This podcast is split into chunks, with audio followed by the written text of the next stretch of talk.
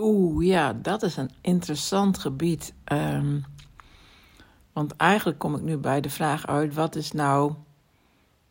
Um, ja, wat is nou de persoonlijkheid en, en, en hoe, in hoeverre staat dat al vast? Jij zegt dat bijvoorbeeld um, de persoonlijkheid, stel dat de persoonlijkheid indaalt. Ik denk altijd dat de persoonlijkheid wordt gevormd door een combinatie van, van erfelijke eigenschappen, uh, sociale omgevingsfactoren, uh, nou, al die dingen. Dus opvoeding, cultuur, geloof, maar ook bijvoorbeeld de welvaart of um, de hele maatschappij.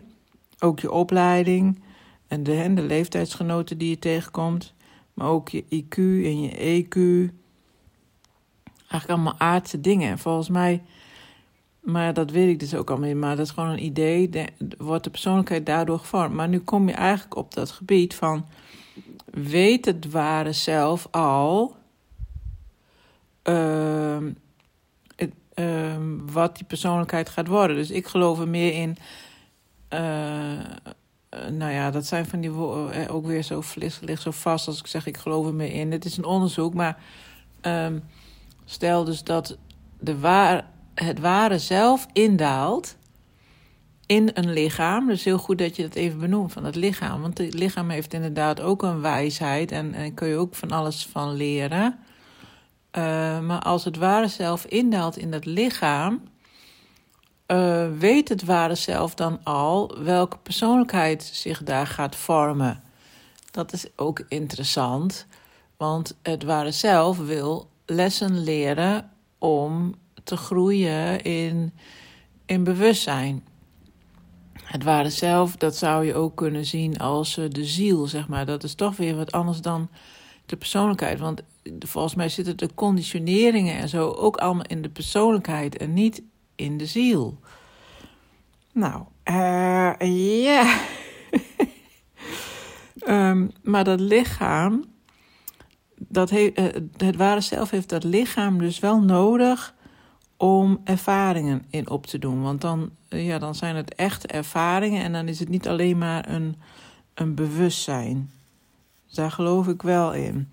Um, en, maar ik geloof ook wel dat je in de persoonlijkheid vaak kunt zien.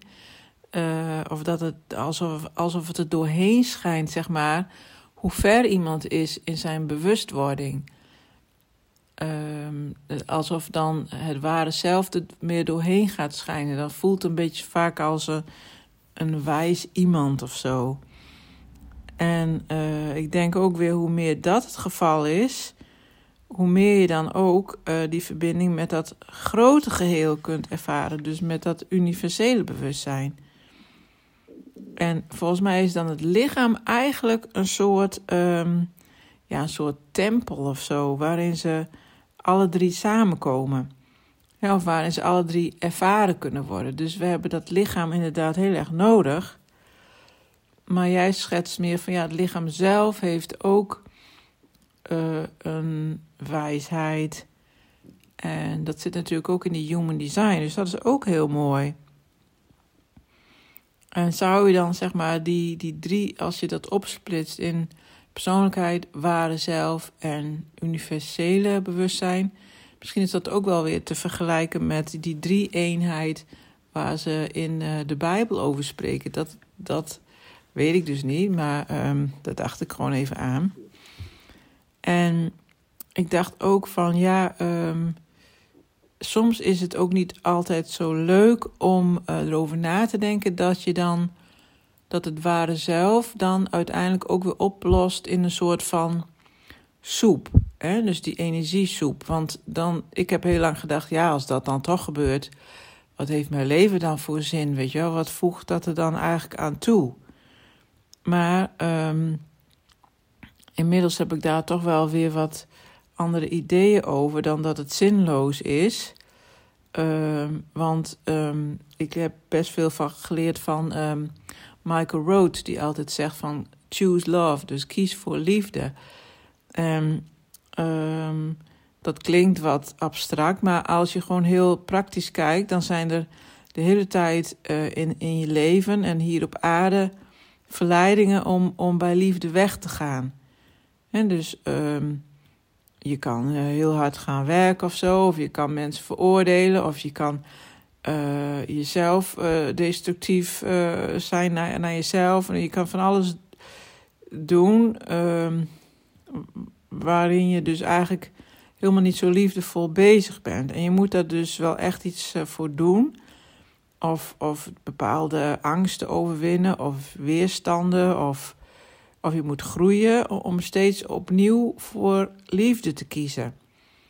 En dus eigenlijk dat bewust contact maken met dat ware zelf. En uiteindelijk dus ook met de universele in, uh, industrie, wil ik zeggen. de universele energie. En stel nou dat het ware zelf dus gegroeid is, misschien wel door meerdere levens heen. ja, zit hier even iets in mijn keel. En dan is eigenlijk, als jij dan als ingrediënt van de soep weer terugkeert naar de soep, als, de, uh, als dat ingrediënt veranderd is, het is liefdevoller, het heeft meer ervaringen opgedaan, het is gegroeid in bewustzijn, het is het is hoger in frequentie of wat dan ook, dan uh, verandert die hele soep. Want denk maar aan een gewone soep. Als je één ingrediënt verandert, verandert die hele soep. Dus uh, daardoor ben ik tot een soort van conclusie gekomen, maar die is gestaafd door geen enkele bewijs of wetenschap of wat dan ook. Maar dat uh, mijn leven zin heeft. Dat is toch best fijn.